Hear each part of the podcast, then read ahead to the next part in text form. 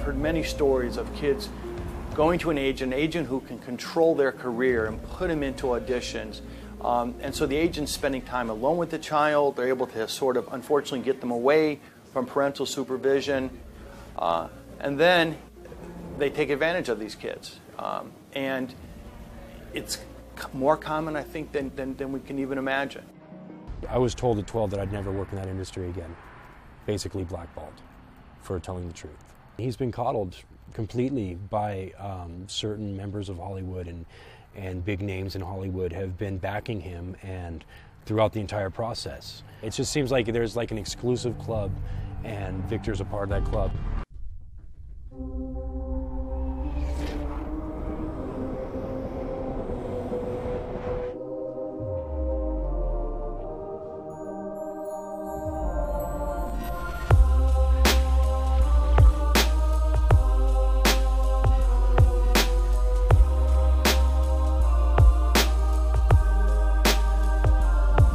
Hey, we zijn er weer. Dutch Matrix, de illusie van onze realiteit.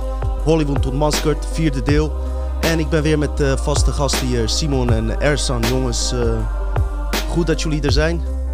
Ik zal er ook meteen bij vermelden dat we het eh, alle drie onwijs druk hebben gehad. En eh, respect dus voor Ersan en Simon dat ze hier gekomen zijn. We hadden veel te doen. Ersan heeft nieuw werk ook, hè? Klopt, ik heb een nieuwe uitdaging. Maar ook respect voor jou, hoe druk jullie het samen hebben. Echt, uh, het is alles op uh, laatste moment. Want we hebben nog een leven hiernaast. Maar dat geeft niet, we doen het graag. Alleen ik voel me een soort van uh, verplicht om nu uit te zenden. Omdat mensen erop wachten. Maar als het een keer gebeurt dus, kan ik meteen tegen de kijker zeggen... dat het niet een weekje komt. Dan komt het gewoon door de drukte, weet je wel. En, maar ik vind het echt tof dat we alsnog even een Hollywood ontmaskertje gaan doen. Als mensen lekker kijken op een zaterdagavond. Sommige mensen zijn eenzaam, vinden het leuk om naar ons te kijken. Fijn, ik vind het fijn dat dat dat we toch iets uh, nuttigs doen daarbij. Waar gaan we het over hebben, mensen? Uh, uiteraard nemen we wat films door. Uh, wat ik eh, sowieso zelf ga doen, is een deel van predictive programming. Globaal even wat vertellen. We gaan niet al te diep erop in. Je kan zelf daar je onderzoek op doen. ritueel kindermisbruik in Hollywood. Dat vind ik toch wel belangrijk, weet je, om dat ook even bij te vermelden. Wat daar ook eigenlijk gebeurt, wat nooit bij ons in het nieuws bereikt. Zelfs uh, die alternatieve media nieuws, ja, hoor ik er niet echt gigantisch veel over. Er is veel informatie over. En ik, krijg, ik hoor uh, graag van jullie ook, jongens, wat jullie hebben. En dan kijken we wat we ervan kunnen maken. Wat vinden jullie daarvan? Prima. Ja? Leuk plan. Goed gekeurd. Voordat we starten, ik heb echt interessant nieuws van een NASA-wetenschappers, wetenschapper. En die vertelde dat we in een Matrix-universum leven dat het een hologram is. Uh, dat wordt aangestuurd door een uh, buitenaardse ras. En nou, iedereen weet dat we daar natuurlijk over hebben. Maar als je het van een NASA-wetenschapper hoort, laten we even buiten uh, wat, wie of wat NASA is. Dat geeft even niet. Maar het geeft dus toch een soort van validatie van, hey, als hij het erover heeft, en hij wordt ook nog eens door tientallen collega's ook gedekt daarin, dat, het, dat ze daar iets in zien dan uh, zijn on onze onderwerpen eigenlijk onwijs belangrijk. Want wat ik vooral heel erg interessant vond, wat aan de vorige afleveringen te linken was, is dat de kop van de titel staat er dat de NASA op het punt staat om een buitenaardse ras uh, te, te ontmoeten. En dat dit hologram van dat buitenaardse ras is. Dus ik weet niet of jullie misschien een link kunnen leggen met waar we het over hadden laatste. Maar daar heb ik nog steeds Project Bluebeam in mijn achterhoofd. Ja, ja, precies. En kijk, dit hoeft niks te betekenen, maar het is wel interessant dat dit er dan ook bij uh, wordt vermeld dat het hun hologram is, weet je wel. Nou, even kijken. Die NASA-wetenschapper, uh, voor mensen die het willen uh, nakijken, Dr. Rich Terrell, als ik het goed uitspreek. Hij zegt in, inderdaad dat, dat er een kosmische computerprogrammeur, een entiteit is die, die ons eigenlijk een soort in een programma heeft gezet, als het ware. En uh, ja, wat ook een uh, andere, ik weet niet of dat een wetenschapper is, Bill Hicks met CKS. Hij zei ook, staat in het artikel, dat we eigenlijk een, uh, ja, een droom aan het leven zijn. En dat dit niet zo echt is als we zouden denken. Bill Hicks is de comedian waarvan gedacht wordt dat hij Alex Jones is. Ja. En ik heb best wel overtuigende dingen daarvan gezien. Ja, ik weet alleen niet of dat die Bill Hicks is, want dat was hij een comedian. Ja, Ze hebben toevallig, daarom zei ik er ook met CKS heet hij. Dus jongens, is dat niet fucking groot nieuws, zou je eigenlijk kunnen zeggen, om zoiets te horen? Ja, dat is mooi. Hè? Dat hele artikel is heel mooi. Maar je moet wel bewust van zijn dat het nog steeds één persoon is van NASA die natuurlijk deze theorie eh, uitlegt en, En in het artikel staat dat die gedekt wordt door eh, andere wetenschappers ook. Ja, maar goed, hoe, hoeveel wetenschappers wordt die gedekt? Ja, hoe wordt die gedekt, hè? Dat is jouw eerste eh, primaire reactie. Nee. nee, het klopt wel, maar het is, het is niet van vandaag, hè? Het is Nee, al nee. heel lang al. Het is al van de, de wet van Moore bijvoorbeeld, die man die al zegt dat technologie twee keer sneller gaat. Dus in die tijd werd er ook over nagedacht, over, over dit soort situaties. Joh, het is eh, eigenlijk eh, geeft validatie voor ons waar we mee bezig zijn. En dat het echt geen eh, gekke werk is. Sorry, wat zei nou dat, dat eh, hoe heette dat, dat, dat alien wat dan die Matrix bestuurt? Eh, dat, nou, het zou een, eh, ehm, gebaseerd zijn op een programma. Die het programma, laten we zeggen, dit universum of aarde laat draaien. Het heeft niet bepaald een naam. Maar hij zegt dat het een eh, creatie is van een. Dat het een kosmisch computerprogramma is. Weet je waar het aan moet denken? Die scène in de Matrix, dat hij dan bij die man in dat kamer zit met al die beeldschermen, weet Ja. je wel? Ja. Ja, daar moet ik gewoon aan denken als ik dat hoor. Nou ja, dat is heel, toch, toch niet gek dat je daaraan denkt. Want dat is toch iemand die dan achter de schermen, je kan het zeggen, Big Brother, John de Mol, Reinhard Oerlemans. We hebben nog steeds een vrije keuze, of denken De dat we een vrije gouden keuze kooi. hebben. Wat betreft, eh, hoe kom je ineens op die vraag? Oké, eh, nou dat is het. Als het een gevangen matrix is, kijk, dat is de volgende stap dan. Is het een gevangen systeem waar we naar eh, toe gelokt zijn of, eh, of in beperkingen zijn gesteld? Of is het iets waar we zelf voor gekozen heb- hebben of beide? En in hoeverre hebben we nu vrije wil dan? Met die avondklok bijvoorbeeld? Wa- waar is de vrije wil nu? We hebben nog steeds de vrije wil van onze hart, hè? Vergis je niet. Ja, tuurlijk. Maar die heb je dus Ja. altijd. Daar, daar moeten we Maar ook... eh, bij de kassa bij Albert Heijn heb je daar niks aan. Nee. Je, je, je kan nu ook nog steeds. eh, ik- we hebben ooit een keer gezegd, hè, la- laten we die, eh, dat ik die, eh, weet je nog dat ik een keer zei van ik wil heel graag die jackpot winnen, de lotto. Oh ja, ja, ja. Was mooi dat iedereen moest aan denken. En uiteindelijk viel die niet bij mij, maar wel bij mij in de buurt. Een man uit Oesgeest, waar ik vandaan kom. Ja, Ja. Zei, dat, Dus- zei je dat nou vorige Ja. keer? Ja. Mensen belden keer. mij al op van, hé, hey, het is toch niet echt zo, hè? Dus wat is Ja. die kans dat het dan wel valt in de buurt? Dit is heel vaag, maar sorry, ga door. Nou ja, kan. Ja. Ja, alles is mogelijk. Mensen, hey, superleuk dat jullie kijken. Wat we trouwens gaan doen. We nemen even wat Hollywood dingen door. Eh, het tweede deel doen we wat actualiteit, verkiezingen. ehm, nog wat eh, interessante onderwerpen. Ik weet niet wa- eh, wat die jongens ook erbij gaan halen. Dus eh, we maken weer een eh, splitsing in de afleveringen zelf. Ik begin eh, met eh, ritueel misbruik in Hollywood. Het is eh, verschrikkelijk. We hebben het natuurlijk hè, over eh, eh, kindermisbruikzaken veel gehad in de complotmedia. Wat nooit eigenlijk de normale media bereikt. Wat eigenlijk een, eigenlijk een gigantische blunder is. Bewust dan, niet onbewust. Waarschijnlijk bewust. Melden ze het niet. Niet interessant genoeg voor hun.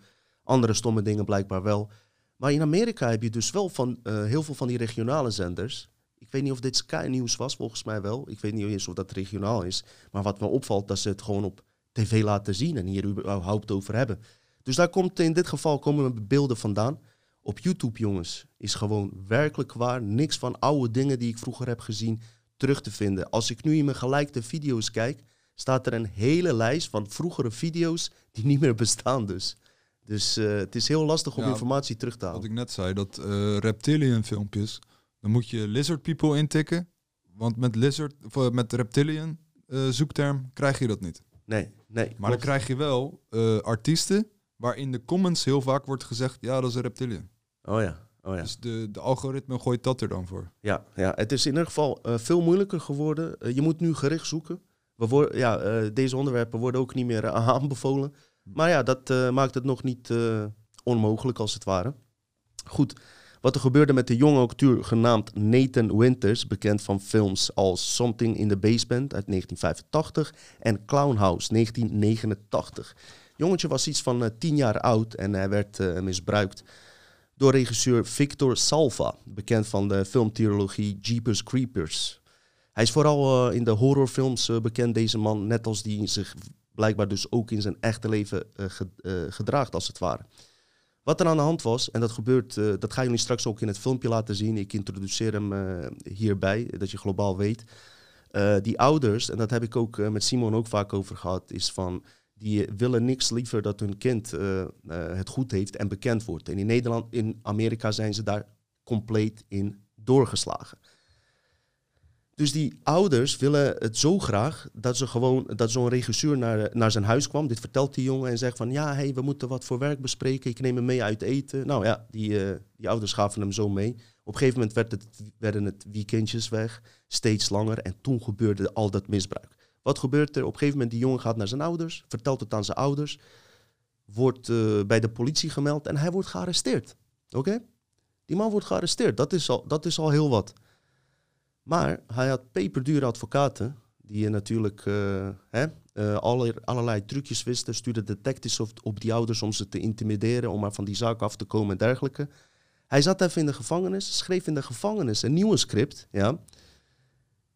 En wat gebeurt er? Uh, hij komt terug uit de gevangenis en hij wordt gewoon door Walt Disney in die film aangenomen. En schreef de script Powder van film Powder uit 1995. Dat is een fantasiedrama. En dat werd gewoon doodleuk door Disney uitgebracht. Ja, die Disney is er hoor. dus ondanks dat dit openlijk was, laten ze hem ook nog eens in, een kinderfilm spelen. Helemaal gestort. In LA worden jaarlijks 2 tot 300 uh, kindermisbruikzaken gemeld. Dus dat is, dat is aardig wat. Uh, verder wat je in dat, in dat filmpje dus ziet, jongens uh, en mensen die kijken, is uh, acteur Brian Peck. Hij werd in 2004 veroordeeld voor het seks hebben met een kind. Twee jaar later krijgt hij een rol in kinderfilm ook, genaamd The Sweet Life of Zack and Cody. Maar wat gebeurt er? Dit is wel ook heel interessant. We hebben het over Charlie Sheen al eerder gehad. Dus deze man wordt veroordeeld, gaat zitten, wordt gewoon weer in films aangenomen. En later zat hij bij Charlie Sheen op de, even kijken, de Sweet Life, nee, uh, sorry, uh, Anger Management. En het scheen zo te zijn dat Charlie Sheen, die zelf in onze eerste Serie. aflevering, ja, in onze eerste aflevering al verdacht is geweest van het uh, misbruiken van jonge jongens, toen hij zelf ook 18 was, die, die aasde erop dat hij daar zou komen. Dus Charlie Sheen zeurde nog van, ja, we moeten hem hebben, we moeten hem hebben. Onlangs wat hij had gedaan. Dus uh, ik heb het nu even globaal uh, gezegd voor de kijkers uh, die Engels misschien niet goed verstaan. Maar eigenlijk ga je het eigenlijk horen in het volgende filmpje, jongens. En de kijkers, blijf kijken. If you'd asked me when I was five years old what I wanted to be when I grew up, it was I wanted to be famous.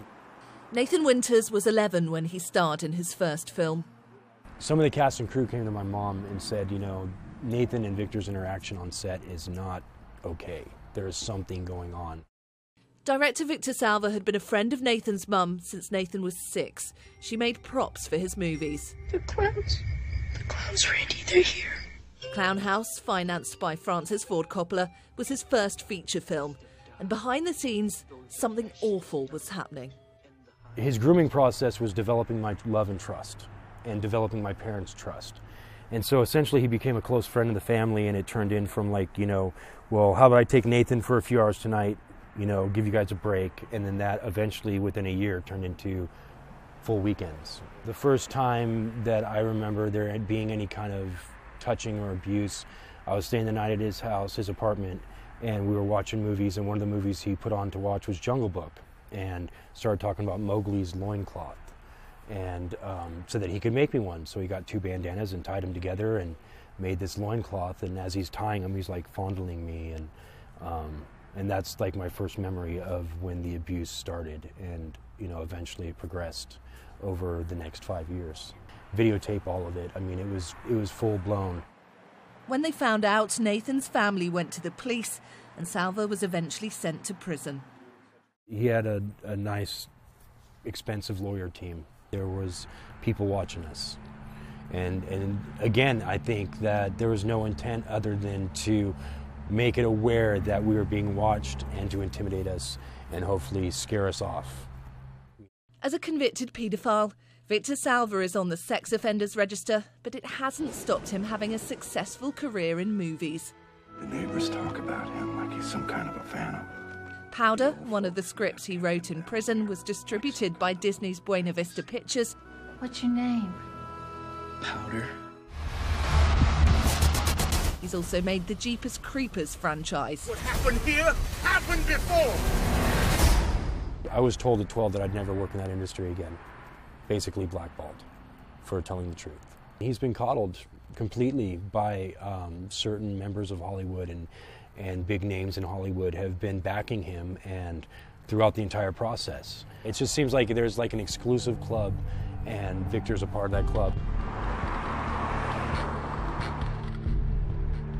People throw money at the problem. Whether it's paying the person off or hiring the team of lawyers, powerful people use money as a shield. This is why a lot of these people just were silent. It's a very hard and powerful thing to, to fight. Child abuse experts say they treat two to 300 cases of sexual abuse in Los Angeles every year. As part of a two month operation targeting child predators in Southern California, LA police made 238 arrests in 2016. It takes that inner strength to come forward. Now, with children, it's uh, that inner strength that, you know, it, it, it's not the same as, as with, with, with an adult.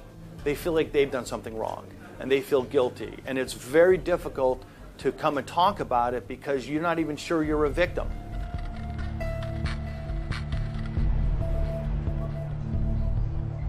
Hollywood might not like talking about it, but it doesn't take a lot of digging to find even more examples of how it often has selective amnesia when it comes to some of the past behaviour of those it chooses to welcome into the fold.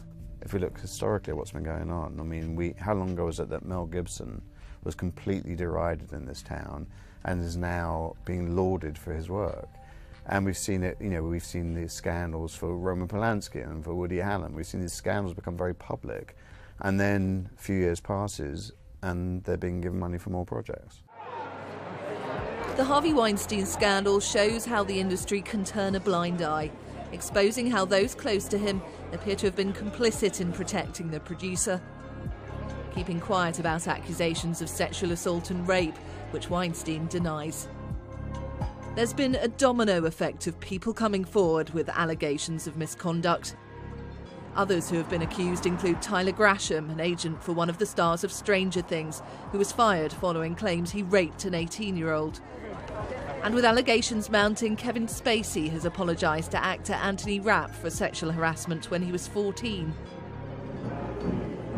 And it's prompted questions over why Roman Polanski continues to be decorated with industry awards despite a conviction for raping a 13 year old. Power that comes with fame seems to make some untouchable. I think fame ultimately corrupts. You know, I think a lot of famous people will say that uh, they don't change when they become famous, but people change towards them when they're famous. And the, the famous people that I've known, I've hung up with, they live in a very weird world where everything they say is hilarious. People are running around after them all the time. It's it's naturally and ultimately corrupting in some way. You're not seeing the world in a normal way, so your whole level of what is right and wrong ultimately adjusts. In 2004, actor Brian Peck was convicted of sex with a child. But just two years later, he was given a role on this kids' show, The Sweet Life of Zach and Cody. Do you like the design? Three words. Hid the us. Let's take a short break. He's since been working as a dialogue coach on anger management. Speaking to someone familiar with the show, we were told the decision to hire Brian Peck came down to Charlie Sheen himself. An investigation was actually carried out after a complaint was made by one of the crew who learnt about his background. The recommendations were, though, because some time had passed, he was going to be allowed to stay on set providing no children were present, and his time off set would be limited to Charlie Sheen's trailer. Ja, jongens, eh, je ziet dat eh, dit soort dingen gewoon dus eh, eigenlijk openlijk gebeuren. En de arrogantie gewoon, dat, die, dat die weer terugkomt in kinderfilms nog wel. Wat vinden jullie daarvan eigenlijk, nu jullie dit gezien hebben? Ik krijg er echt dan- kippenvel van. Ja, ik zie het. eh, ik, eh, het. Het schrikt mij gewoon. Het is gewoon zo verschrikkelijk hoe... Ook voor, of traumatiserend voor, voor die persoon is geweest die dan gemisbruikt is en dan alsnog die persoon terugziet in Hollywood, series, films, eh, films die die creëert. En weet je, als iemand een seksoffender is in Amerika, moet hij zich vermelden bij de buren, dergelijke. Ik ben een seksoffender, zijn hele leven, continu, mag helemaal niks. Maar zo zie je maar dat in Hollywood de wet helemaal niet geldt, blijkbaar. De wetten worden daar omgedraaid. Waarom? Je controleert de wereld, je controleert de media. Mhm, mhm. Het is een eh, contra van wat ze laten zien op tv. Het tegenovergestelde doen ze, lijkt het wel. Eh, je had mij gevraagd of ik iets wilde uitzoeken over Club 33. hey, dat is een goede overgang. En het is heel moeilijk nu om dat te vinden. Ik moet ook een programmaatje hebben waarmee ik mijn computer kan laten lijken alsof die uit Rusland komt of zo. Want staat er mogelijk in jouw land is dit illegale informatie. Ja. Ik, nou Daar heb je mij voor, hè? kun je mij gewoon bellen. Ja, dat kunnen we wel een keer regelen. Maar in ieder geval, ik had wel een paar dingen gevonden. Eh, Walt Disney had zo'n kindacteur, Bobby Driscoll. Eh, die had hij altijd bij zich. En er zijn dus verhalen ook dat hij daarmee deed en zo, weet je wel. Die Bobby Driscoll was een kindacteur, maar op een gegeven moment had hij heel erg last van acne. Dus dan ben je niet meer goed op de camera, omdat je allemaal uh, jeugdpuisjes, weet je wel.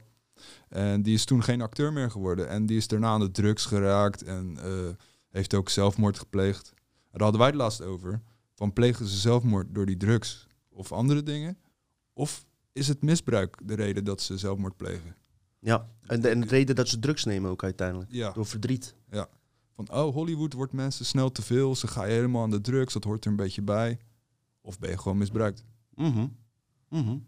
Ik zie... Uh, het probleem er, eh, erin is dat uh, kinderen hun als voorbeelden zien.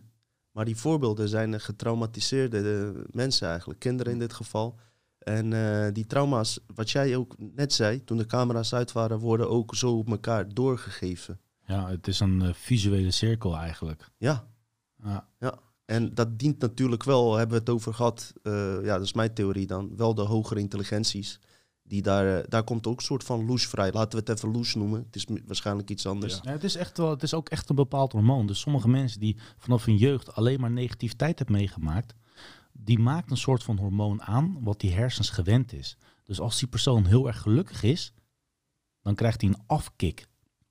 Iets, iets in zijn lichaam zegt van, hé, hey, ik heb die shit nodig. Mm-hmm. Sommige mensen hebben andere verslavingen, die hebben THC nodig, alcohol nodig. Deze personen hebben die hormoon nodig. Dus dan gaan ze ja. bewust iets doen, waardoor ze dus die hormoon weer krijgt, terwijl het eigenlijk onethisch is. Ze zijn niet gewend om normaal gelukkig kind te zijn. Nee, dat gevoel dat uh, die, uh, die hormoon die overtreft het gevoel om gelukkig te zijn. Ja, ze raken eraan verslaafd. Misschien komt het Stockholm-syndroom ook een beetje ja. daardoor, daar, daarom, weet je wel. Macaulay Culkin, die uh, Home Alone, weet je wel, dat kindje? Mm-hmm. Nou, daar is ook van alles mee gebeurd.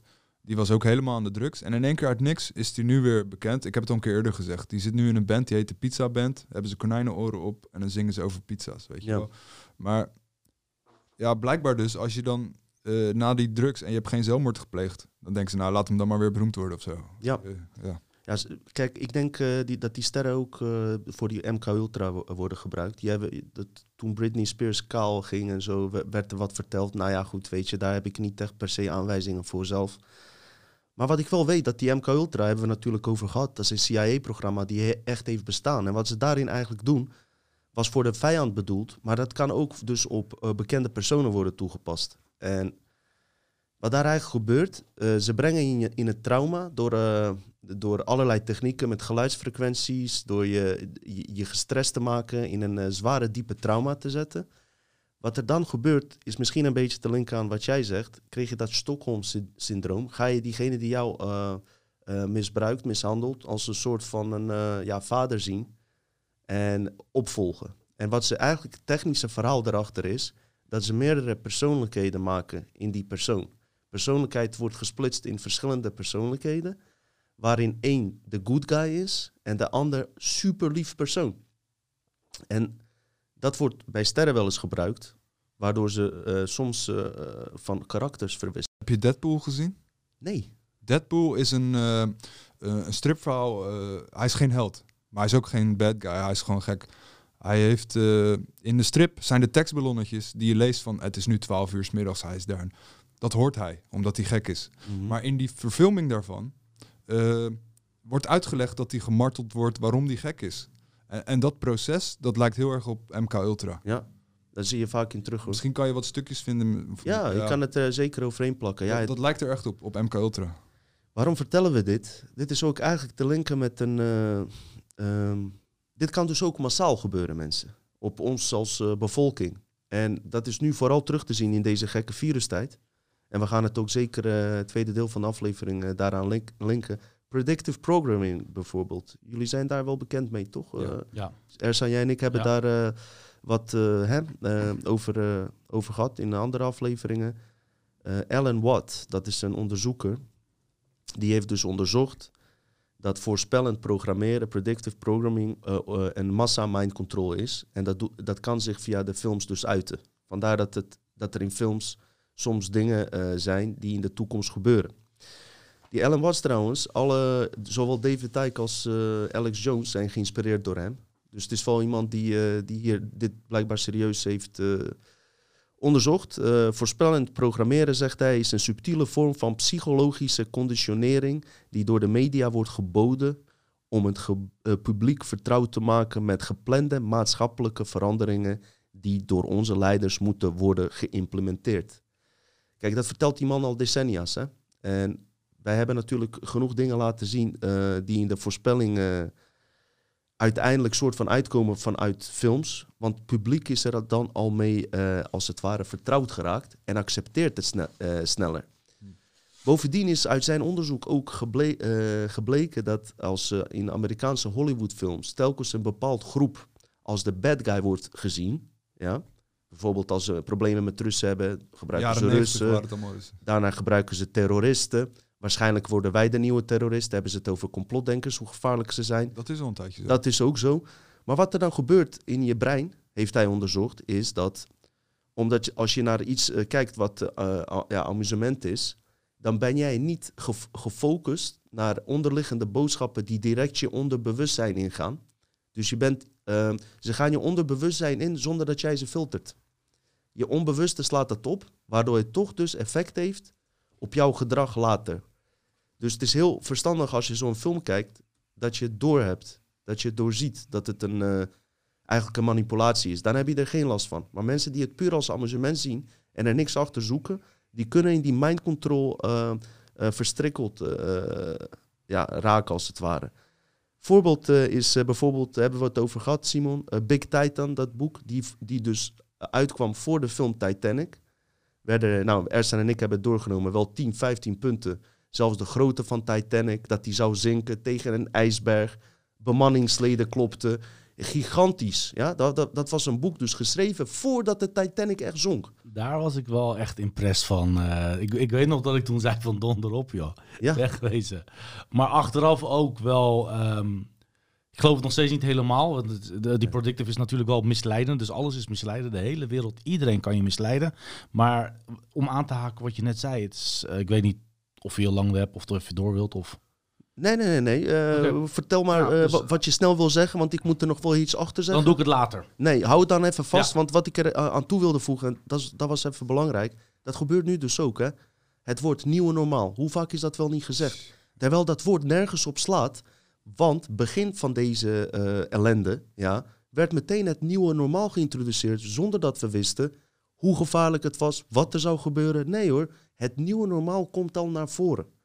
En zod- zodra het zich vaak genoeg blijft herhalen, wordt het ook echt het nieuwe normaal. Vooral mensen die zich niet bewust hiervan zijn. Snap je? Dus ehm, terroristen, het, het woord terrorisme in de tijd tegen de, eh, met, met George Bush. Hoe vaak heeft hij het woord terror wel niet Hij gezegd? kan dat woord helemaal niet zeggen. Nee, hij zegt het op zijn Leids, hè? Ja, op zijn Leids. En zijn voorouders komen uit Leiden, Ja. dus misschien hebben ze die Leids accent. Ja, ja, ja. Terror. Ja. Terrorist. Terrorist. Nou, we hebben het over Simpsons natuurlijk gehad. Dat er heel veel voorspellingen waren van 9-11, ebola-virus, eh, presidentschap van Trump en dat soort dingen. Kijk, ja, het, het is interessant om dat eens, daar eens even naar te kijken. En vooral, vooral nu extra erop letten, weet je wel. Eh, build back better. Dat zijn allemaal van die sneaky woordjes die nu in je onderbewuste worden geïmplementeerd. Dus let daar goed op. Maar mensen zijn daar ook goed van op de hoogte trouwens. Ik heb een heel mooi stuk om hierbij aan te sluiten ook, als je klaar bent. Vertel maar, José, ik ben klaar. Nou, niet alleen maar... Oké, ja, vertel. Nou, dit, dit klopt echt ook met wat ik zie. Mensen, meeste mensen, je hoort, de meeste mensen zijn schapen, kudde schapen, gaan allemaal dezelfde kant op. Maar het zit ook een beetje in die menselijk brein. Dus iedereen wil gewoon ge, geroeld worden. Iedereen wil het bepaald hebben. Dat vinden ze gemakkelijker. Niet iedereen is dominant. Niet iedereen kan voor zich nadenken. Ik heb een geweldig filmpje over een, een geheime camera... dat in een sociale experiment hoe mensen meedoen. En dit, is- dit gaat dan om een individueel. Maar als je dus denkt dat je hiermee een groep kan pakken... is het precies hetzelfde. Want de, de brein werkt op hetzelfde manier. Ik zal hem even laten zien. Hier zie je dus een vrouw eh, die zit eh, op, een, eh, op, op een stoel. En je hoort een piep op dit moment. eh, het geluid staat uit, maar je hoort een piep. En dan staat iedereen op, want iedereen hoort bij het experiment. En die vrouw die zit daar gewoon. Dus als je maar een groot gemeenschap hebt die dat doet, dan volg je dat. Dus het is één keer, twee keer en drie keer. En ze wordt niet eens beloond. Hè? Dus in het geval van, eh, in, in sommige gevallen krijg je een beloning als je iets goed doet. Dat is Mhm. ook een soort van programmering. Oh, ja, ja, ja. Bij kinderen Bij natuurlijk. kinderen. Maar in dit geval word je niet eens beloond. Dus in de corona, terwijl we gewoon shit hebben, terwijl we gewoon steeds eh, worden beperkt, kun je ons nog steeds opleiden blijkbaar. Mhm. Zijn we daar nog steeds niet zichtbaar voor. En je ziet haar gewoon weer opstaan en zitten als de rest ook op zit en staat. Kom, voor niks. Ze, niks. ze hadden eigenlijk dit filmpje moeten doen met een Hitlergroet als ze opstaan. Zo. Kijken wat ze dan Kijk, zouden doen. ja. Nou, maar, Die, die zouden ze echt moeten doen. Was je Ja. klaar? ja, nee, en, en het, iedereen gaat weg. Het mooiste is, iedereen gaat weg en er komt iemand nieuw naar binnen. Ja. En zij hoort die piep, dus zij gaat nog steeds opstaan. En die Toen persoon... iedereen weg was. Ja, en die persoon die komt zitten, die gaat ook haar naapen. Zijn we dan of zijn we dan schapen? Dus ik wilde er even kort Nee, op dat aan- is een goeie, man. Het kwam in één keer in me op. eh, Dat is een ik, denk, ik wil hem even delen dan. Super. Zo, wist je vet. dat eh, Guido Weijers heeft daar een stukje over in eh, een of andere jaarconferentie, ik weet niet meer welke. En dan heeft hij het over dat we op vliegveld onze schoenen uitdoen als we door die metaaldetector gaan. En dat lijkt ook hierop, want op een gegeven moment, weet je wel, nooit heeft iemand een bom in zijn schoen gehad, nooit. Mhm. Maar je moet op vliegveld altijd je schoenen uitdoen. Ik, eh, ja. Ja. Dat, dat lijkt op dit, weet je wel, dat wij onze schoenen gaan uitdoen op het vliegveld. En eh, je weet niet eens waarom je doet het. Het gewoon. mooiste Maar is... ze vragen het wel om het te doen, hè? Op het Ze kunnen het vragen, ja. Ze kunnen het Oh, het vragen. is het is niet niet verplicht. verplicht. Alleen eh, Oh, oké. tegenwoordig heb je meer scanners dat je gewoon volledig wordt gescand. De laatste Oh, keer dat ik gevlogen had, was dat eh, wel... eh, Oh, ja. Wel Maar, weet je wat het is? Ik ken nog vliegen dat ik gewoon nog mocht roken in de vliegtuig. Dat ik water mocht meenemen in het vliegtuig. Tegenwoordig durf ik niet eens meer te rennen in een Je luchthaven. mag wel zuipen. Als ik ga rennen tegenwoordig, dan, eh, dan zien ze mij al. Weet je, ik, ik moest heel vaak vliegen voor werk. Weet je hoe vaak ik werd aangehouden? Sir, this is a random check. Random check my ass, motherfucker. Nou, daar, keer. daar zal je nu minder last van hebben, want van terrorisme, islam, dat is afgezwakt. Dus wat dat betreft... Nee, eh, weet je, je komt uit Amsterdam. Je bent jong. eh, je reist alleen. Je reist kort. Dus eh, wat kom je hier doen? Dus ik, alle checks die gingen op mij af. Oh, zo ja, natuurlijk. Maar dat, filmpje, dat is niet alle mensen hoor. Wa- Want er zijn ook mensen die zouden echt wel vragen: hé, waarom doen jullie dit? Ja, maar die dit, dit, bestaan wel, dit is even maar die zijn er dat zijn wij onder andere nu in de Ja, coronacrisis. Wij zouden maar- dat vragen: van hey, waarom Ja. gaan jullie opstaan? Maar wat nou als diegenen die opstaan, in dit geval zijn het eigenlijk figuranten, toch? Eh, de, de meeste ja, Snap je waar ik heen wil, Simon? Ja. Ja. Stel je nou dat er eh, figuranten uit de werkelijkheid zijn die ons op die manier mee willen laten opstaan. Prachtig. Dat Snap gebeurt- je? Ja, ja mooi. Ja. Mensen gaan mee. Ja. Mensen gaan mee. hey, vet filmpje, Erzan, Top. vet filmpje. Ja. Eh, jongens, eh, ik heb nog iets over James Bond, man. Zal ik daar meteen op inhaken? Ja? ja. Eh, wat ik heb gedaan. En eh, trouwens, we gaan meer Hollywood ontmaskerd doen. Ehm, maar ehm, in de toekomst, jongens, even tussendoor dit. Kreeg ik gisteren ineens een ingeving. Het werkt bij mij spontaan. Dat we misschien met z'n drieën iets over Vaticaan moeten opzoeken. Kreeg ik ineens ingeving. Als jullie daarvoor openstaan, verdelen we het een beetje in categorieën. Gewoon Want- één aflevering daarover? Ja, één eh, aflevering maken. En dat het een soort informatieve aflevering wordt. Voor de afwisseling, omdat we best wel vaak Hollywood Ja, ontmaskerd dan doen. heet het geen Hollywood. Dat mensen jullie ook zien op een andere manier. Ik Snap ben de? Vaticaan uitgezet, hè, trouwens. de pauze Door de beveiliging. Oh, serieus? Ja, bewaar ik voor de volgende Door keer. wie dan? Door de Black Pope? Door, door de Black Security Guards. Oké, nou ja, eh, be- bewaar, eh, bewaar dat zeker vast. Maar als jullie dat vinden, vraag ik jullie dus bij deze... laten we daar eens iets mee doen. Want dan kunnen mensen ook jullie op een andere manier eh, eh, waarnemen. Want jullie weten nog veel andere dingen ook, snap je? Dus kunnen we een keer even over hebben. Wilde ik even tussendoor zeggen. James Bond. Eh, even globaal gaan we er doorheen. Wat, wat is het interessante aan deze man? Hij is een eh, MI6-agent die eigenlijk voor de Hare Majesteit eh, Koningin werkt. Hij is haar speciale eh, agent, Secret, eh, Secret Service. Nou, die twee nullen trouwens staat, staan ervoor dat hij het recht heeft om te doden. Wisten jullie dat? Nee, dat wist ik niet. Uh, is lijst is to verhaal. kill, maar Ja. ja. dubbel, double O. Oh joh. Zo en zo, jongens. Ehm, ik heb het met Simon al over gehad. Met dingen waar we het nu over hebben, ga je die oude films ook heel anders zien. Ja. Film eh, de Moonraker hebben we natuurlijk in de eh, Mandela-effect gehad. Maar ik besefte me niet dat je daar eigenlijk de Secret Space Program zat, zag in die film.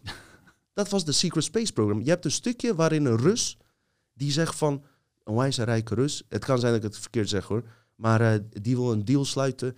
En die zegt gewoon letterlijk, hey, Iedereen eh, reist al door, naar de maan en alles. Al zijn eh, vrienden die veel geld hebben. Ik wil dat ook. Ze, ze reizen door het ruimte, dit, dat. Hij wil een deal sluiten om ook de ruimte in te gaan. Nou, vind ik nogal opvallend voor die tijd, weet je wel. Dat het dus de onder elite mensen al langer bekend is, dat ruimtereizen. Heel interessant. Wat je ook zag bij de James Bond trouwens, hele onlogische scène, is dat hij op een gegeven moment van de Lenin-groep een opdracht krijgt. Maar Lenin is de tegenstander officieel, toch? Wat daar in die film, eigenlijk eh, wat, wat ze daarmee wilden zeggen, bewust dan niet onbewust, is dat Lenin controlled opposition al die tijd was. Snap je? Werd gewoon door de kabal gestuurd. Die werd, eh, ik heb gehoord dat ze gewoon ehm, om controlled opposition te spelen met miljarden zijn beloond. Snap je?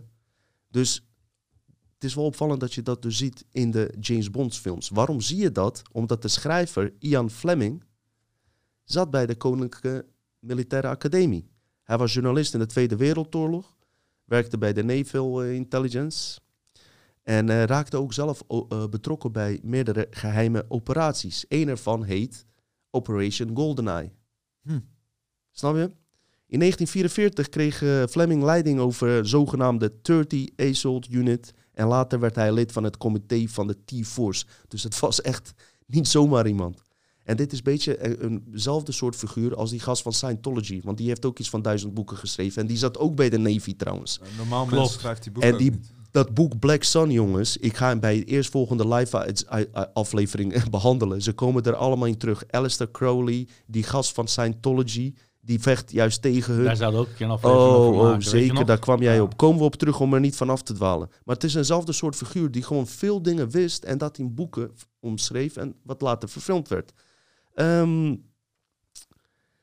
veel mensen hebben al gezegd van, eh, eh, en beweerd getuigenissen van deze gebeurtenissen, operaties hebben echt bestaan. Sommige zijn niet bewezen. En eh, iedereen zei ook dat het eigenlijk op zijn eigen... Hij is de James Bond. Alleen heeft hij dat altijd ontkend, uiteraard. Logisch ook. Wat er opvalt, is in een van de films, jaren 60, loopt James Bond zelfs door de filmscène van de maanlanding. Hij loopt tussen een filmscène van een maanlanding die in elkaar wordt gezet. Je hebt eh, subliminals waar eh, piramides eh, in terugkomen. Je hebt, eh, even kijken, verwijzingen naar de, de, naar de Isis van die Egyptische goden en noem maar op. Horus, Set. Dat zijn allemaal occulte belangrijke figuren als het ware. Had ik niet 1, 2, 3 verwacht van James Bond. Zelfs in een van de laatste James Bond films zie je scènes van eh, secret societies die bij elkaar komen. Die eh, geheime afspraken eh, bespreken. Dus die film is eh, eh, misschien wel op meer waarheid gebaseerd dan je zou denken eigenlijk. Hebben jullie er wel eens bij stilgestaan eigenlijk? Van James Bond. ehm, ja, alles onder de grote Britse koninklijke rijk. Hè? De Britse rijk is niet gestorven. De, de, de reden dat zij uit de euro zijn en dergelijke, alles. Dit, dit, dit, dit sluit gewoon allemaal aan met jouw verhaal. Het is... eh, Ja, Her Majesty, die, die, die koningin, dat is er eentje. ja, hoor. ja, die Elizabeth. Daar Ja. zijn ook eh, vreemde foto's van hoor. Dat zag er ook niet echt menselijk uit. Toevallig zat dat vorige keer in dat filmpje ook met het uh, reptilian. Zo. Zag jij met zo'n doorlopen oog ook. En, eh, Ja, ik vind sowieso dat ze bepaalde, ja, niet om mensen om hun uiterlijk eh, te beoordelen, maar ze lijken sowieso op elkaar. Als jij kijkt hoe George Bush zijn moeder uitziet en zijn vrouw, dat Ja, lijkt op familie? Elisabeth. en Beatrix. Ze zijn en familie van elkaar? Ja, en Wilhelmina ja, van Beatrix. Nou, ze lijken echt sterk op eh, ja, blauw bloed, joh. Dat is allemaal blauw bloed, joh. Het is allemaal koninklijk bloed van de Duitsers nog, hè, oorspronkelijk. Maar goed, dat is... eh, Wilhelmus, ja, ik, ben ik van Duitse bloed? Ze zeggen het eigenlijk recht. ja, dat is, voor- dat is iets anders Ja. volgens mij, maar ja. ben ik van Duitse bloed, zeggen ze. Letterlijk. Maar ze zeiden later ook dat het dat niet betekent. Nou, ik hoor toch echt wat anders. Duitse bloed. Het is geen eh, Nederlands bloed. Orde van Oranje. De koning van Hispanje. Duitsen bloed, ja. Ja, maar Orde van Oranje, Ja. dat heeft in principe ni- niks met Koningshuis te maken. Het staat ook in die fucking boek Black Sun. Orde van Oranje is een Duitse orde die ervoor gezorgd heeft dat die eh, Willem ehm, in opstand kwam. De eerste koning, eh, die, die vocht eh, voor de protestanten, dacht ik. kan het fout hebben. En eh, die is vervolgens als koning eh, door die orde neergezet. Prachtig. Maar dat was er eentje, Dus want... de orde staat boven de Oranjes, hè? Het House of Orange. Ja, hou, Prachtig. ja dus dat staat in die Black Sun. Die, in dat boek staat het. Stond er ook op dat hij eh, liever eh, Turks was dan Paaps? Dat weet ik niet. Ja, dit is ook een leuk om te googelen. Ik weet wel. Hij was Ja. liever Turks dan Paaps. Zei hij En- dat? Ja. Oké, zou kunnen. Misschien in die tijd dat het eh, ja, voordeliger was. Hij, wilde, beter hij was gewoon tegen de, tegen de Vaticaan en tegen de geloof en dat soort Die dingen. Willem. Dus, ja, ja, ja. Dus, eh, ook omdat hij Dat is de vreemd als die- Spanjaard natuurlijk eh, oorlog voerde met zijn land. En die watergeuzen, die Turken natuurlijk. Ja, oh zo. Ja, Ja. maar is goed. ook oranje. Ja. Ja, daar lag je, maar de, Ben, ja. de code voor oranje is 33. Oh, dat is... eh, Jezus ging dood toen hij drie... Ja, ik heb toevallig dingen Beatrix heeft 33 jaar lang aan, eh, aan macht gezeten voordat ze afging. eh aftrad. Eh, Hitler werd aan de macht in 1933. Jezus ging dood toen hij 33 was. Er zijn heel veel bekende mensen. Wat gaat er De- gebeuren in Eh, drie- 2033? 33 gra- eh, je hebt toch die 33 stappen ook in de Club vrijmetselarij? 33. Club 33 is een belangrijk getal. En die getallen, die hebben dus blijkbaar een, die symbolen en getallen toch op een onbewustzijnslevel Ja, Kabbalah. en ja, een belangrijke betekenis. Is ook weer onbewustzijn. Hè? Wij kunnen het niet decoderen. Oké? Dus eh, ja, dat eh, House of Orange, die orde, dat moeten we ook een keer eens gaan uitzoeken hoor. Want ik dacht altijd, dat is alleen aan koningin verbonden. Dat is gewoon een Duitse occulte orde, man. Wow. Wauw. Zal ik naar de tweede film gaan, jongen, meteen? Ja. Jongens, tweede film is Jupiter Ascending. Ik heb er wat eerder over verteld. Ersan kan daar zeker goed over meepraten. Simon ook. Ik heb er wat over verteld. Ik neem nog wat punten door en ik raad je aan om hem zelf te kijken. Allereerst, zowel Simon als ik vonden die film kut toen we hem voor het eerste keer zagen. Maar met eh, kennis die ik nu heb en eh, kijk ik hem iets anders. En eigenlijk vind ik hem ook best wel een goede film, eerlijk gezegd. Waar gaat die film over, mensen? Eh, een menselijke buitenaardse ras. Een zeer krachtige ras met creatiekracht als het ware. Die ze eigenlijk van ons slurpen, kom ik zo nog op terug. Is aan de macht. Zelfs de reptilians werken voor hun. En dat is bizar, omdat ik in die Project Bluebeam over die ras heb gesproken, waar Martijn het over had. En toen ik dat zag, eh, kreeg ik ineens een soort van een, eh, ja, zo'n synchro eh, synchroniciteit. Zo spreek ik het goed uit? Synchronisatie. Synchronisatie, oké. Waar gaat het over is dat ze meerdere planeten oogsten met mensen. Ze hebben dus duizenden planeten waarvan één de aarde is. En ze wachten op het oogst. Dat is die louche, oké? Ze wachten in dit geval, ze waren 100.000 jaar geleden aan de macht gekomen en wachten tot de bevolking tot 8 miljard groeit. En dan is het tijd voor die eh, bevolkingsreductie, zoals die Stonehenge bijvoorbeeld eh, wordt geschreven en dergelijke. Daar is het een beetje aan gelinkt. Die, ehm, dus het gaat eigenlijk over bevolkingsreductie een beetje. Maar er zitten nog meer dingen erin. Waarom? Omdat ehm, deze wezens, ehm, informatie waar ik dit van heb, ik denk er misschien net iets anders over. Gaat erover dat, dat ze onze DNA nodig hebben, klopt. In de film laten ze zien dat onze DNA, of die loes, hoe je het wil noemen, bewaren ze ook in eh, eh, flessen, zijn eigenlijk andere dingen. Maar goed, dat voor hun nodig is om jong te blijven. Ik denk zelf dat, dat het meer een onderzoek is eh, in de echte realiteit. Dat ze onze codes nodig hebben van creatiekracht. Om die toe te passen voor hun bestwil. Want hun hebben zelf al echt wel een techniek waardoor je jong blijft. Desnoods klonen ze zichzelf en eh, incarneren ze opnieuw, opnieuw in een bepaald lichaam. Die techniek hebben ze. Je, kan altijd een, je hebt altijd misschien een grondstof nodig, hè? vergis je niet. Je- Misschien kan. Dus ja. Loes is ook zo'n grondstof. Ja. Alleen ik weet niet of de eh, man die dit, eh, waar ik deze info van heb eh, gehaald, of ik, of ik helemaal met hem eens ben. Maar het komt in die richting. Dus het gaat weer om een genetisch manipulatieproces. En dat komt toch wel overeen met dingen waar wij het over hadden. Ehm, wordt eh, gerund door, eh, drie broers en eh, zussen genaamd Balem, Kalik en Titus. Nou, die Titus is een interessante. Want ik ben met iets bezig uit het Romeinse Rijk. Dat Romeinse Rijk ook eigenlijk nooit verslagen is. En Titus heeft zeg maar in dat geval, in die documentaire, Jezus gewoon compleet verzonnen. Maar daar moet ik het een keer goed uitzoeken om daarover te hebben. Maar er zijn dus gnostische verwijzingen vooral naar, naar dat verhaal. Eh, dat meisje heet Jupiter. Eh, en er wordt eh, in de oude gnosten verwezen naar eh, god Jupiter met Abrasax eh, dynastie, weet je wel. In die film zie je ook ontvoeringen door grijze aliens, hoe het wordt gedaan. Ik, ik vind het eigenlijk, na de tweede en derde keer bekeken te hebben, best wel een goede, goede film. Veel beter dan ik dacht. En wat je daar ook zag, en dat zie je ook vaak in de wat diepere complotten terugkomen, is ook eh mixmensen. Dus je zag daar ook een, iemand waar dat meisje Jupiter door geholpen werd. Kane Wise speelde een eh, genetisch gemanipuleerde superheld, deels mens, deels hond. Ja, dat, dat zie ik vaak terugkomen in die, eh, eh, ja, hoe moet je dat zeggen? Geklo- Chewbacca. Kloning, Chewbacca. Chewbacca Oh, ja. is wat anders, hè? Kom op. Gekloond. Nou, deze Ja, zag er een wat soort meer. wezen. Kan. Wat- ja, soort, niet, niet echt menselijk. Chewbacca is wat. Is geen hond, Ja. nee. nee, Chihuahua. dus eh, je zit veel terug van waar wij het over hadden in die film. En, eh, en die reptilians heb ik gehoord ook van mensen die zeggen dat ze door reptilians ontvoerd zijn. Gewoon, eh, volgens mij Corey Good vertelde het. Ik geloof wel, op ze, op ze, wel eh, wat van dingen van hem. Hij zei dat ze het exact zo uitzagen als in die film. En dat ze ook vleugels hadden, maar die vleugels dienen nergens voor. Die hebben ze nog geërfd van de alpha voorvaderen Draco, Is Draco's. Is dat ook waarom wij nog een eh, staartje hebben, zeg maar een kort, heel kort staartje? En waarom we nog als embryo een staartje hebben en dat daarna wordt afgebroken? Dat vind ik een he- hele opmerkelijke. Ja, Ja, we hebben geen een bewijs daarvoor. maar staartje, dus eh, Wie weet, ik weet wel dat eh eh, Japanse, en dan heb je het over Azië. Dit is weer een goede jongens, Aziatische bloedlijnen. Daar heeft ook nog nooit, iemand echt goed behandeld. Wat jij, eh, sorry, wat jij net zei over vleugels. Sommige vogels die op een gegeven moment geen natuurlijke vijanden meer hebben, die vliegen niet meer. Kippen? dodo's. Ja, bijvoorbeeld. Maar die stoppen dan met vliegen. Ja. Dus blijkbaar vliegen vogels alleen omdat ze natuurlijke vijanden hebben. Ja. En Ja. dan kun je, we denken, oh wat mooi dat ze kunnen vliegen. Maar Ja. zelf vinden ze er volgens mij, eh, ja, Je erft het nog na een paar generaties. Om op terug te komen, eh, wat ik net wilde zeggen. ik ben het, voordat jij dat zei, waar, waar had ik het nou net over? Ik ben het even kwijt, man. Ik ben het even kwijt. Die manipulatie. vleugels hadden ze, die wezens.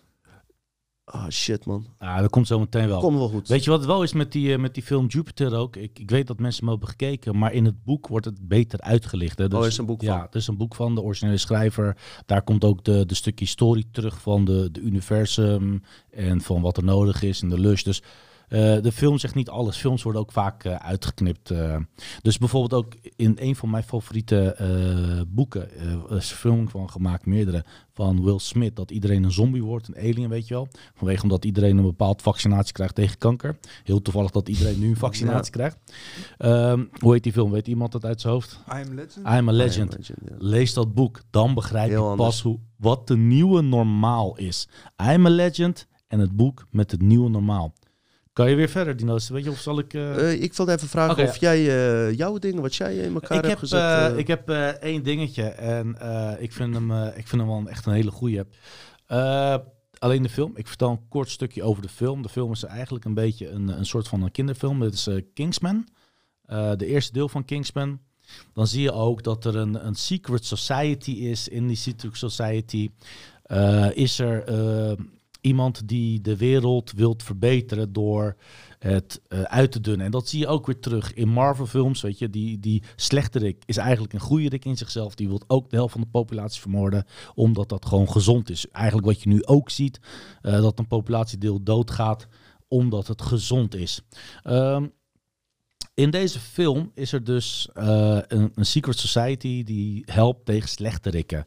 En een jonge gast die wordt gerecruiteerd omdat zijn vader ook... eh, ja, juist. Je hebt de film gezien. Top. Als ik even tussendoor mag onderbreken, ik ben zo blij dat ik me herinner, want het is wel interessante informatie. Ik wou ehm, eh, zeggen dat we misschien iets over Aziatische bloedlijnen eh, Ah, kunnen dat hebben. zei je inderdaad. Ja. Want we hebben het altijd, als, we, als er over 13 bloedlijnen wordt gepraat, ja, altijd over de westerse bloedlijnen.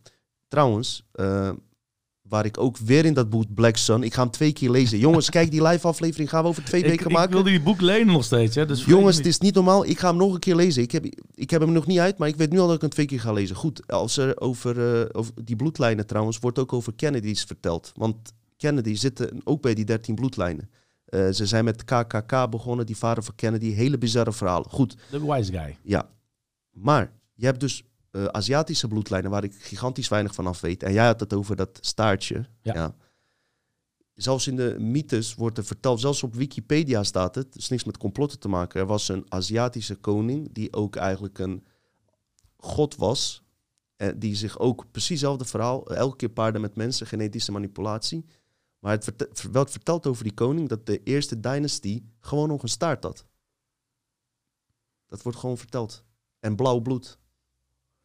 Blauw bloed komt van kreeft of kwallen waarschijnlijk. Hè? Dat, eh, weet je. Nou, dat wezen op Black Sun, die ziet er blauw uit ook. En dat verwijzen ze ook naar blauw bloed. Dus het Maar is, dat eh, staat los van Darwinisme, dat we van apen afstammen. Want, Nou, daar zitten gewoon verschillende lagen van verhalen in. Ja. Want eh, wat, die, wat Rolf Knights vorige keer vertelde, is dat eh, eh, Darwin de rest van zijn leven zijn best deed om te zeggen dat zijn theorie niet klopte. ja, dus daarom, ik, ik geloof dat Maar dit gaat Darwin- sowieso niet echt met Darwinisme. Dat, dat heb ik niet Nee. begrepen van eh, Darwinisme, maar goed, oké. Oh nee, echt. Nee, hij heeft eh, blijkbaar... Als hij dat zegt, ik ben wel benieuwd eh, ja, naar de eh, informatie. hij, hij is gewoon eh, constant eh, is het, eh, is die weggevaagd. Want die theorie kwam blijkbaar goed uit. Ja, maar mensen wilden hem ook in de doofpot stoppen, hè? vooral en voornamelijk de kerk. Want denk je nou echt dat hij wil dat de kerk wil dat wij van apen afstammen? Klopt. Nee, het moet van God zijn gekomen. Klopt. Ja, en ook, als met, ook met die eh, waar wij het over hebben, eh, heb je ook weer verschillende stromingen. De meeste, zoals bij Ancient Aliens, heb ik het ook over gehad, zeggen ze wel dat we van eh, dat het genetische manipulatie was, maar nog steeds waren we apen. Dus toch is er dan een link met die Darwinisme, als je het zo ziet. Terwijl ik steeds meer naar neig, want we hebben allemaal geen bewijs. Ja, daar ben ik liever altijd God geweest, toch? Als we toch allemaal geen bewijs hebben. Maar dan wil ik liever God zijn. Daar voel ik me ook liever bij. Maar je bent ook niet je lichaam. Nee. Dus in, in dat proces, als je daar gaat, eh, dat, eh, dat, dat, ja, dan klopt dat sowieso niet. Als je niet je lichaam bent. Dat is wel een hele goede, Simon. Dat is wel een hele goede. Ehm, wil jij dat filmpje laten zien? Eh, van de Kingsman. Nee, Ja, dat, of zou eh, ze nog dat, aan het hoef- vertellen, inderdaad. Ja, ik hoefde, ja, ja. ik hoefde dat, ik weet dat het. filmpje op zich niet te laten zien. Maar het is aan te sluiten ook op eh, je laatste. Wat, wat was dat een geweldige aflevering weer met die Dolf? Rolf, Jeetje, ja, die Rolf. Rolf. eh, Rolf. Man, die, die gast, die, die, die Dolf, Dolf Jansen. Dolf, Dolf, Dolfie, Dol- Dolfie Nee, Rolf. Nee, Nice. Rolf. Eh, nee, maar ehm, over, over frequenties, de Monroe Institute. En in deze film dan zie je dus ook dat eh, de helft van de populatie moet eh, eh, zeg maar doodgaan, zodat de wereld kan overleven. Ehm, hierbij doen ze dat met frequenties, met radiogolven. En die radiogolven die zorgen ervoor dat jij agressief wordt. En dat klopt ook, hè, want muziek, geluid bestudeert een mens. Als jij, als jij vogeltjes hoort fluiten, is het vrolijk. Als je geen vogeltjes hoort, dan ga je denken van... hé, hey, wat is hier aan de hand? Eh, En als je de uil hoort. als je de uil hoort, dan eh, kijk ik altijd even om voor Minerva en hoe het is. Nou ja, Maar, die eh, Minerva houden we vast hoor, voor het tweede deel. Ik ga ze niet met rust laten, deze aflevering hoor. Oh, wauw. Oké, oké, oké. Nee, joh. Nee, komt goed. Nee, maar... ehm, en dan zie je dus hoe belangrijk het is. In die films komt het alweer terug. En hoe geluid en frequentie jou als mens niet kunnen eh, aanraken. En iedere keer wordt een stukje opgeleid in die film. En denk bij mezelf van, ja, weet je... Iedere keer is het wel van de helft van de populatie dat er af moet. Ook in die, in die, in die, in die films. En dan denk ik overpopulatie. Maar goed, er zijn ook zat films waarvan je ziet eh, dat er heel veel populaties en dat we alleen maar leven boven de wolken. Maar om daarop terug te komen, is er ook een, een, een artikel geschreven in de Archive. En dat is een wetenschappelijke archive-website waar je dus als een soort van scientist jouw eh, eh, werk kan insturen. Dus er is iemand geweest in de, van de- bij de Boston University die een, een papiertje heeft ingeleverd dat de wereld eigenlijk ook een neural network kan zijn. Dus een neur- neurologische netwerk. En ik heb wel eens vaker, dacht ik bij mezelf, als je dan mooie foto's zag van de Hubble-telescoop of van andere telescopen, van die nebula's en die universumen, dat je denkt van wauw, wat een mooie foto. En als je dat gaat vergelijken met een MRI-scan, is dat gewoon bijna één op één. En zitten we dan in een goddelijk wezen? Zijn wij die wezen? Waarom lijkt het op elkaar? Ik, ik vind dat gewoon prachtig. En ik heb ook een, een gifje van de, van de Simpsons. Eh, waar dit ook, want vaak komen dingen altijd in de Simpsons voor. Dus ik zeg, waarom dit niet? Ik ga hem even naar jullie laten zien. Ehm, dan zie je dus ook Homer Simpson. Dan begint het. Zit hij in zijn hoofd. En dan komt de wereld. En dan komt het universum. En dan komen alle heelallen. eh, de Milky Ways. Atoom, Neuroatomen. DNA. En DNA. En wat gebeurt uiteindelijk? Zit hij weer in zijn hoofd. Hetzelfde, een loop. Weer hetzelfde. Ja, en dat is de Matrix. Ja. Nou, Maar dit zijn wetenschappers die wetenschappelijk Ja. papier hebben. Goed, er zijn misschien wel 20.000 Ja. papieren Ja, worden Is ingeleverd. is Maar dat misschien eh, dat ze wel eens in bepaalde geloven zeggen, alles is alles. Dus één molecuul is net zoveel informatie als het hele universum. ja, ja het, is, het, is, het, is, het is maar die neurologische netwerk, dat is, kan ook weer zijn op een IT-netwerk. Dus ook weer op een computerprogramma, ook weer op een simulatie. Want dat werkt ook weer met nulletjes en eentjes. En die zitten ook weer in elkaar. Dus ehm, ik weet niet of jullie ook hebben gehoord van... eh, er komt die hoor, twee seconden. Nou, ik ben hem nu even kwijt. Dat is niet, een ik of kan- ander, ander dokter. Mhm, vertel maar. En over de hypnose-theorie en eh, multidimensionale theorie, dat die ook echt eh, daarin uitlegt en daar op deze eh, theorie op inhaakt, dat het eigenlijk een soort van een matrix is. En dat het eigenlijk een soort van een computersimulatie is met een neurologisch netwerk. En dat we ons brein kunnen ook maar vaak, zeggen ze wel, één ding tegelijkertijd. Ze zeggen vrouwen kunnen twee, dat is ook niet zo. Het is ook één ding tegelijkertijd, maar wat sneller. En dat sluit dan weer op elkaar aan. En dat is, dat is zo vaag. En ja, Ja. Maar, eh, en eigenlijk, ja, eh, nogmaals, geeft nog een bevestiging dat we geen bullshit hier praten. Nee. Dat is sowieso fijn. Ja. Want eh, kijk door wat voor mensen het bevestigd wordt. En ik heb nog verwijzingen, ik heb aparte afleveringen over Matrix gemaakt. Waar gewoon